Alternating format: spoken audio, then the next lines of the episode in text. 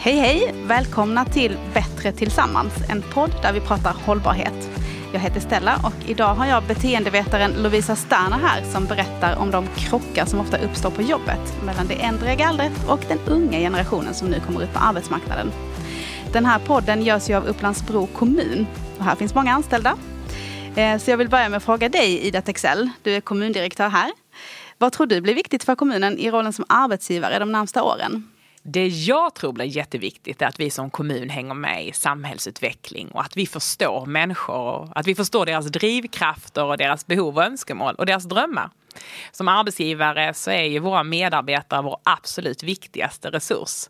Och ska vi vara en arbetsplats för alla, där vi tar vara på varandras kompetenser och varandras drivkrafter och så, då måste vi förstå det. Mm. Ja, jag, jag, hoppas att vi kan skapa en arbetsplats här där vi liksom är för alla och där både unga och lite äldre ska trivas. Ja, ja men Lovisa Sterner som ju eh, pratar lite om detta med oss idag, hon har ju många tankar om det.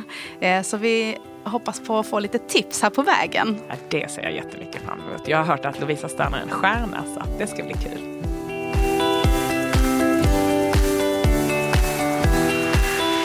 Hej! Hej! Hur mår du? Jag mår jättebra. Solen ja. skiner ju. Ja, den gör ju det faktiskt.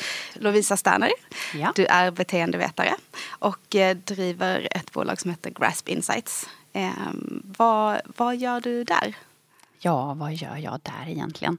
Eh, vi jobbar jättemycket med det som egentligen handlar om den yngre generationen, hur de tycker och tänker och vad en kommun eller ett privat företag kan göra med de insikterna. Både förstå vad de tycker, varför de tycker det och hur man kan ta någon typ av action på det. Ja, du har ju tidigare varit på Ungdomsbarometern också. Mm. Ehm, och jag är lite nyfiken, varför är du så intresserad av den yngre generationen?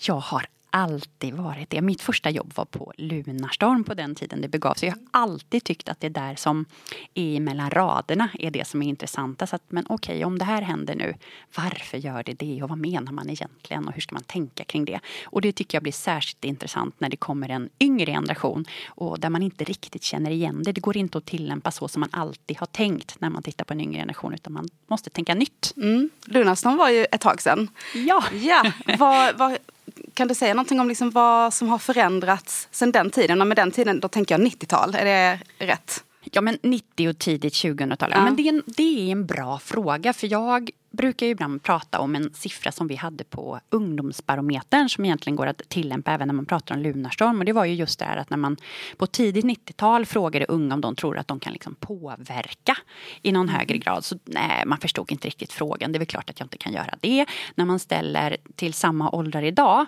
så tycker de fortfarande att det är en skitfråga. Men nu är det av helt andra anledningar. För det är klart att man kan påverka både samhället i övrigt eller liksom vad man ska företa sig. Och det där blir väldigt påtagligt påtagligt när jag jobbade på Lunarstorm. För då gjorde vi en attitydundersökningar som hette Äger, duger, suger. Och då kunde vi plötsligt se hur unga var med och bestämde vart deras familj skulle åka på resor, vad man skulle köpa för bil, hur man bytte tjock-tvn mot platt-tvn. Och då var det så revolutionerande. Vi satt ju verkligen och tyckte att det här är chockartat att det är 15-åringar som är med och bestämmer det. Idag tycker vi att det är helt självklart. Just det, att de deltar. Ja, ja, det känns helt självklart. Det är inte något konstigt alls. Och skillnaden då mot när man var på Lunarstorm var att då var ju det något helt nytt. Mm. Ja, jag förstår.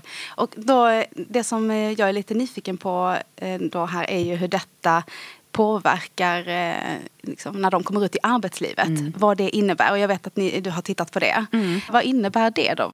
Ja, men jag tror först, det man först ska tänka på det är att det verkligen påverkar. För det är ganska lätt att glömma av det. Att man tänker men hemmiljön det är väl en miljö och sen kommer man ut i arbetslivet. Men det här är ju precis som du säger verkligen någonting som man tar med sig. Just det här att man är uppväxt med att man har en föräldrageneration som har släppt in en i många av familjens beslut. Det är väldigt få beslut i familjer som är bara föräldrarnas. Det flest, mesta är familjebeslut. Och det är klart att då får man också signaler från en vuxenvärld. Och så här, men jag är betydelsefull, vad jag tycker räknas, jag har ett värde. Får jag bestämma allting? Nej, det får man absolut inte. Men man får vara medbeslutande. Och det tar man ju med sig rakt ut i arbetslivet. Och på något sätt ha någon typ av förväntan av att men det är väl klart att de kommer fråga mig. Eller det är väl klart att jag också kommer tycka vara med och kunna påverka. Mm. Och Det kan också bli en kalldusch när man märker att... Ja, för det undrar man ju, får de det då? Eller ja. upplever de att de får det när de kommer ut, vara med och påverka just? Väldigt eller? ofta när man pratar med unga så kanske man inte sätter de här orden på det själv utan man beskriver snarare en känsla. Varför känns det inte riktigt bra då på första eller andra jobbet? Eh, nej, men det känns jag får ingen feedback eller jag vet inte vad som händer eller är det verkligen det här jag ska göra? Och så märker man ju då skillnaden då på de som upplever att man får jättemycket information. Man känner sig väldigt inbegripen och man är medbestämmande. De upplever oftast inte det här alls lika tydligt utan då trivs man och tycker det här är superroligt, det är här jag ska vara. Så att det är ju en väldigt bidragande anledning till huruvida man trivs eller inte på ja. sina första jobb. Ja, intressant. Mm. Men så, så, hur skulle du säga då om att, vad man ska tänka som arbetsgivare som till exempel Upplands kommun då som ja. ju såklart vill eh, attrahera framtidens medarbetare. Mm. Eh, måste man eh, anpassa sig efter den här yngre generationen eller ska de då ta den här kallduschen och rätta sig i ledet? Ja men det här är ju, det här om tvistar, det lärde. Nej men det är väl här man måste någonstans, det är, kommer en yngre generation de kommer. Det måste kunna funka, annars har vi ingen som kommer utföra arbetet så småningom. Vi måste kunna göra den generationsväxlingen. Men det man ska ta med sig är naturligtvis att det är ett samspel. Det är klart att det inte helt handlar om att nu kommer det en ny generation, nu ska allt som vi har gjort tidigare ska helt bort. Absolut inte. Men man kanske inte riktigt kan agera så som man alltid har gjort och tro att så som det var när jag var 25, så ska det också vara för dig när du är 25. För det funkar uppenbarligen inte. Och skillnaden blir ju någonstans också att vi har en ganska stor millenniegeneration där man, det finns något man kallar om millennial burnout också. Lite det här som handlar om att vilka menar du då? Hur gamla är de, de idag? Ja, men om man är klassisk liksom millennial, tidig 80-talist till mm. 1995 ungefär. Eh, och många av dem sitter i ledande befattningar nu. Eh, och så börjar man, så har man ett chefsansvar, så börjar man få medarbetare och det är en generation som är väldigt skolad i att det som räknas är hårt jobb jag ska jobba mycket. Och det var också en stark jobbidentitet. Man skulle jobba mycket och man var sitt jobb. Och det finns nästan så lite smittsamt att det går över i, i liksom privatlivet också. Att man börjar nästan se på det man gör privat. Det är nästan också ett jobb. Det hamnar in på samma to-do-lista. Och det handlar om att effektivisera där också, optimera. Och skulle du göra en snabb, gå in på någon, på, eller appaffär nu så skulle du titta vilka appar ligger högst upp så är det väldigt många av dem som bara handlar om så här, how to optimize eller hur kan du effektivisera för det är det det mm, handlar om. Ja. ja. och då finns det liksom en liten tradition av att man har en hel generation som på något sätt vill så här, beat the system. Jag vill vinna i det här. Så jag ska se till att nu vill jag göra karriär. Om jag bara gör alla rätt, om jag bara jobbar riktigt hårt så lönar det sig. Och så sitter man kanske på en chefsposition och så får man in yngre medarbetare som på något sätt river runt i allt det där och tycker nej men jag vill inte ha ditt liv. Jag vill inte jobba så där mycket. Det verkar superstressigt. Vad har du för prioriteringar? Jag vill hinna med allt det här andra också. Det är inte bara jobbet som räknas. Det är lika viktigt med att kunna ta hand om min hälsa, göra medvetna val, um, kunna träna, äta bra och förutom jobbet och hälsan vill jag också hinna ta hand om mina relationer. Det är precis lika viktigt som jobbet. Och det där ställer ju till det. Men hur, eh, liksom, vad betyder det? Bryr de sig inte om sitt jobb? De här nya som kommer ut? Eller? Jo, det gör de naturligtvis. För det är ju också så här, det här är personer som växer upp med globala referenser. Och man mäter sig inte bara med de som går i ens klass i sitt lilla samhälle, i sitt lilla by, stad eller landskap. Utan man mäter sig med hela världen. Och har du lyckats med det här, då borde jag också kunna lyckas med det. Så det är klart att man bryr sig. Det är ju personer med väldigt höga ambitionsnivåer. Om man nu kan prata om dem som någon typ av grupp. Men du ska ju hinna med så mycket. Det är inte bara jobbet, det är också hälsan och relationerna. Och du vill liksom vara tio av tio på alla de här arenorna. Mm. Så hur ska man eh, göra som arbetsgivare för att eh, liksom, få dem att trivas men samtidigt fungera på arbetsplatsen som de ju kommer till? Jag tror att det finns någon, någonting väldigt så allmänmänskligt i att ja, det kan låta så klyschigt att säga gilla läget, men lite det. Att, men vad står vi inför nu? Hur verkar ni agera? Vad tycker ni? Vad är viktigt? Också en förståelse för de här olika arenorna, jobb, hälsa, relationer. Finns det någonting som arbetsgivare som man kan göra för att förenkla? Kan man hjälpa till med bra mat? Att den är, att, så att du liksom känner att du hjälper till med de behoven? Kan vi hjälpa till med det som handlar om att kanske kunna träna eller röra på dig? eller vad det nu kan tänkas vara? Eller kan vi hjälpa till med det som handlar om relationer relationer, ja det är mer okej att du jobbar hemma någon dag i veckan eller det är alltid okej att du går och hämtar på förskolan eller vad det nu kan tänkas vara. Och att man pratar om det där väldigt mycket mer öppet än vad man gör idag. Mm. Så just det här, det låter på dig som att eh, just samtalet och liksom informationsflödet eh, är en nyckel. Ja, absolut. Ja. absolut. Så ja. det här att man tänker att folk kanske översköljs av information och, och så, är det, det är liksom inte rätt strategi att försöka stoppa det utan jag tror att Eh, och jag brukar ibland säga att det blir, det blir lite utmanande för det finns ju den gamla stammens ledare också som är skolade i att mitt jobb som ledare eller chef är ju att sila. Mina medarbetare ska inte behöva höra allting utan jag silar den informationen. Och här händer ju någonting när det kommer en yngre generation som är så van med att kunna få reda på allting. Alltså det är ju ett knapptryck bort. Man är uppväxt med mobiltelefon i handen. Man är ju digital native. Så att det är klart att då blir det väldigt påtagligt att så här, det är klart att jag vill ha informationen. Sen kanske jag inte gör någonting med den. Men ditt jobb som ledare blir ju snarare att sätta den i ett sammanhang. Att kunna här, kontextualisera den. Nu säger jag det här. Det beror på detta. Du kan tänka så här. Eller du kanske till och med behöver säga att det är eventuellt så att det här kommer ändra sig efter kommunstyrelsens möte eller vad det nu kan tänkas vara. Det får vi vara helt okej okay med. Så ser vår verklighet ut. Eh, för jag tror att det finns en fara med att inte heller någonstans måste man ju omfamna och inse att saker kommer inte vara statiska. Det kommer inte vara så att sen när vi har fått ordning på allting, då har vi den rätta lösningen. Utan det blir förhållningssätt. Det kommer förändra sig hela tiden. Och det tror jag rimmar väldigt väl med det att ge mycket information. Här har ni informationen. Jag försöker hjälpa er att sätta den i en kontext och ett sammanhang och pratar om den. Så att ni inte heller misstolkar den och går hem och kanske får magont och tror att nu ska ni få sparken eller vad det kan tänkas vara. Men att man ger den. Just det. För att då eh, tänker jag så här att eh, det kan ju också vara en sån eh, kritik som, som kanske då den äldre generationen eller som jag själv också skulle kunna liksom känna igen mig i. Att eh, här, nu, nu har det ändrats igen. Nej men vi fick ju det här beskedet och nu har det ändrats igen. Att det, att det blir en, en krock eh, Ja, där alltså, man inte van vid de här statusuppdateringarna hela men tiden. Du är så rätt på det nu. För att det är precis det som sker. Och det är oftast därför man kanske då i egenskap av ledare och om man har varit det ett tag är så van med att oh, annars får jag bara äta upp det här sen. Så jag struntar i att säga det. Precis det du pratar om. Men det är också just det att är man uppväxt med mobiltelefon i handen och all forskning som visar nu där den äldre generationen ofta kan säga åh gud vad de ska ta selfies här, det är så egotrippat och narcissistiskt. Och så pratar man med en ung människa som bara, nej men jag vill ju bara dela för mina vänner att här är jag nu. Så här ser det ut, det är det här jag gör. Det är nästan som att du är med mig. Det handlar om empati och förstå varandra. Och det är, där finns det rätt mycket utrymme emellan olika generationer. För det är ju precis det man tar in i att vilja ha mer information också. Just det.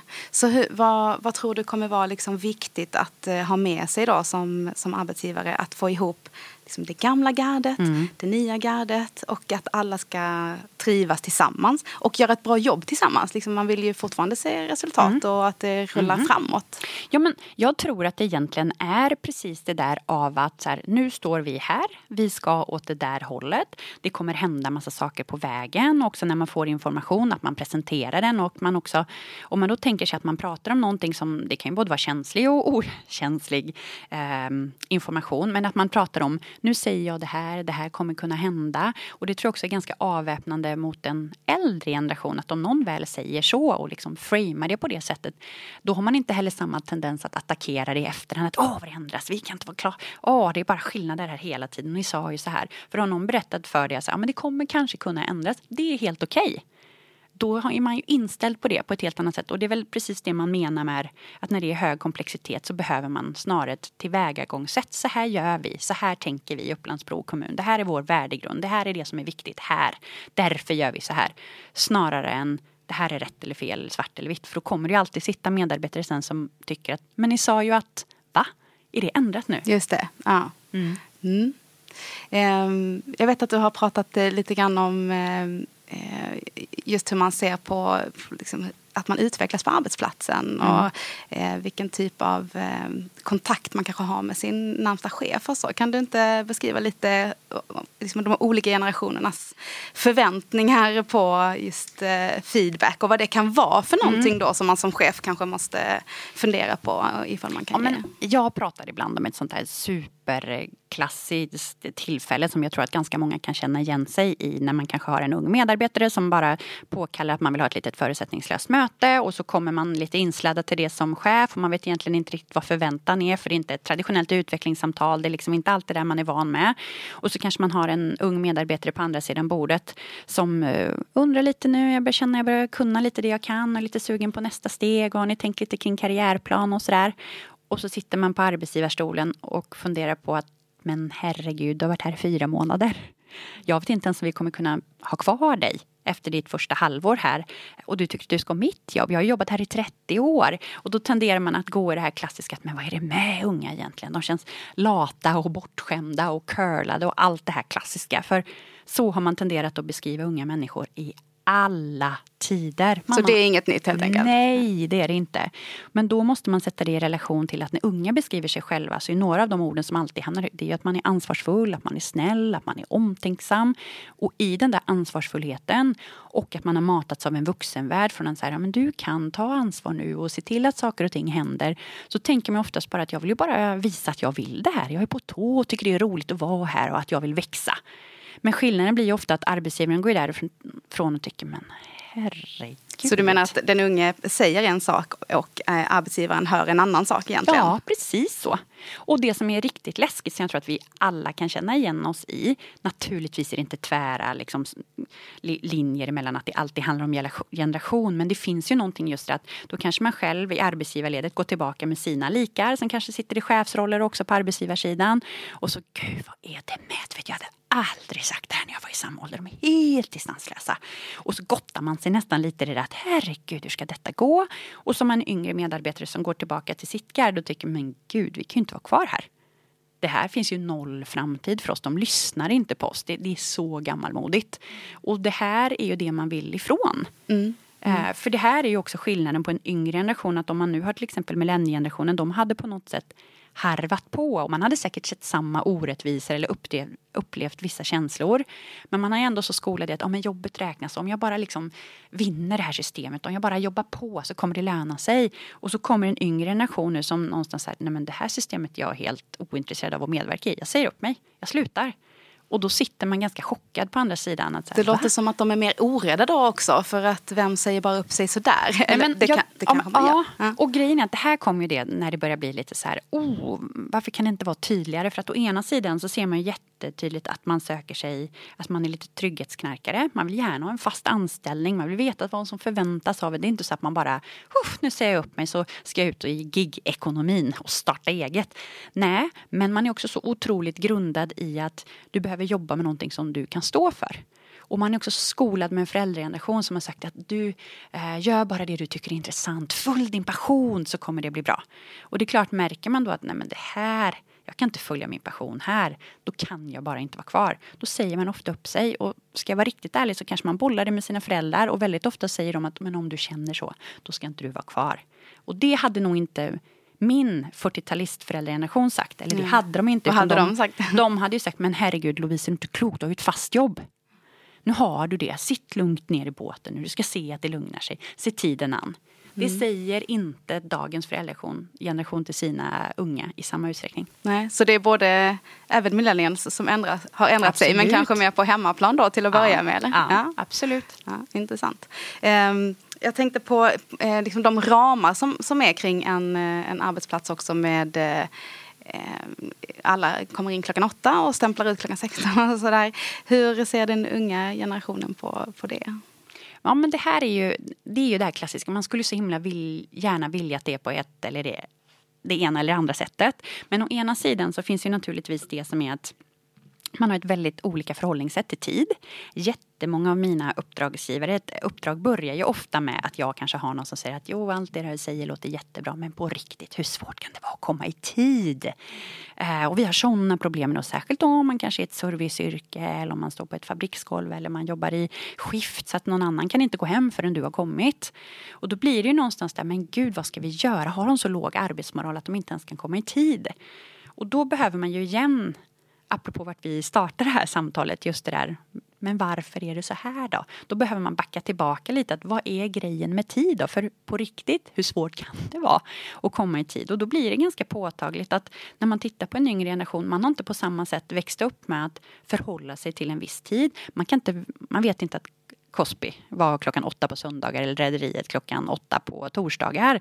Utan man vet, ja men nu vill jag kolla på TV, då sätter jag på det nu. Hur många avsnitt vill jag se? Ja, så här många. Jag bingar den här serien. Jag kan titta på det var jag vill. Alltså den där känslan av att här är början, här är slutet. Nu får jag förhålla mig till det. Den har man inte. Det är den ena aspekten.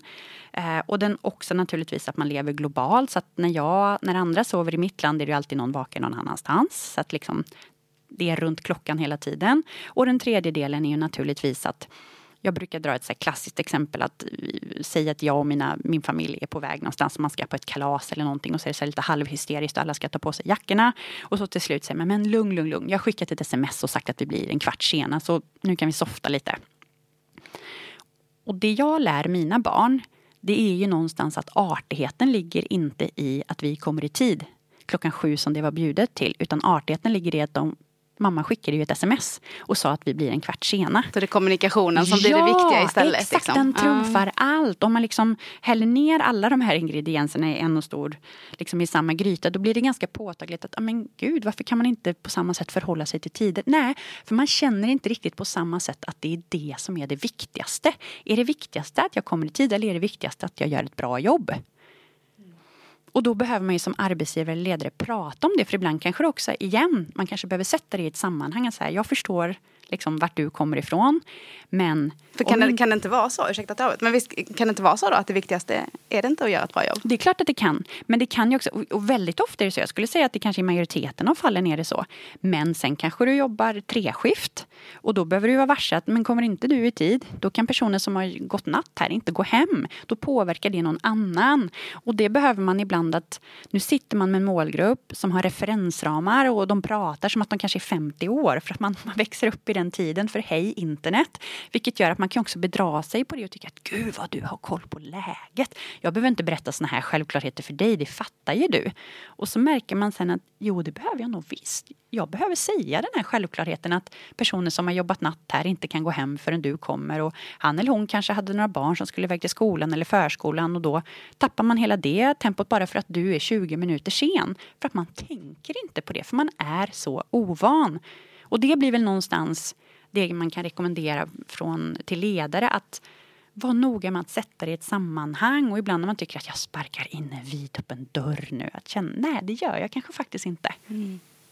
Um, jag tänker som avrundning så här, mm. just, har du några liksom, tips och reflektioner när det gäller, kan man tänker att både unga människor lyssnar på det här men också eh, sådana som har lite längre arbetslivserfarenhet. Vad, mm. liksom, vi som jobbar tillsammans, vad, vad kan vi göra för att det här ska funka? Vad behöver vi tänka på? men jag tänker att det är alltid roligt att titta på de arbetsplatser där det funkar bra.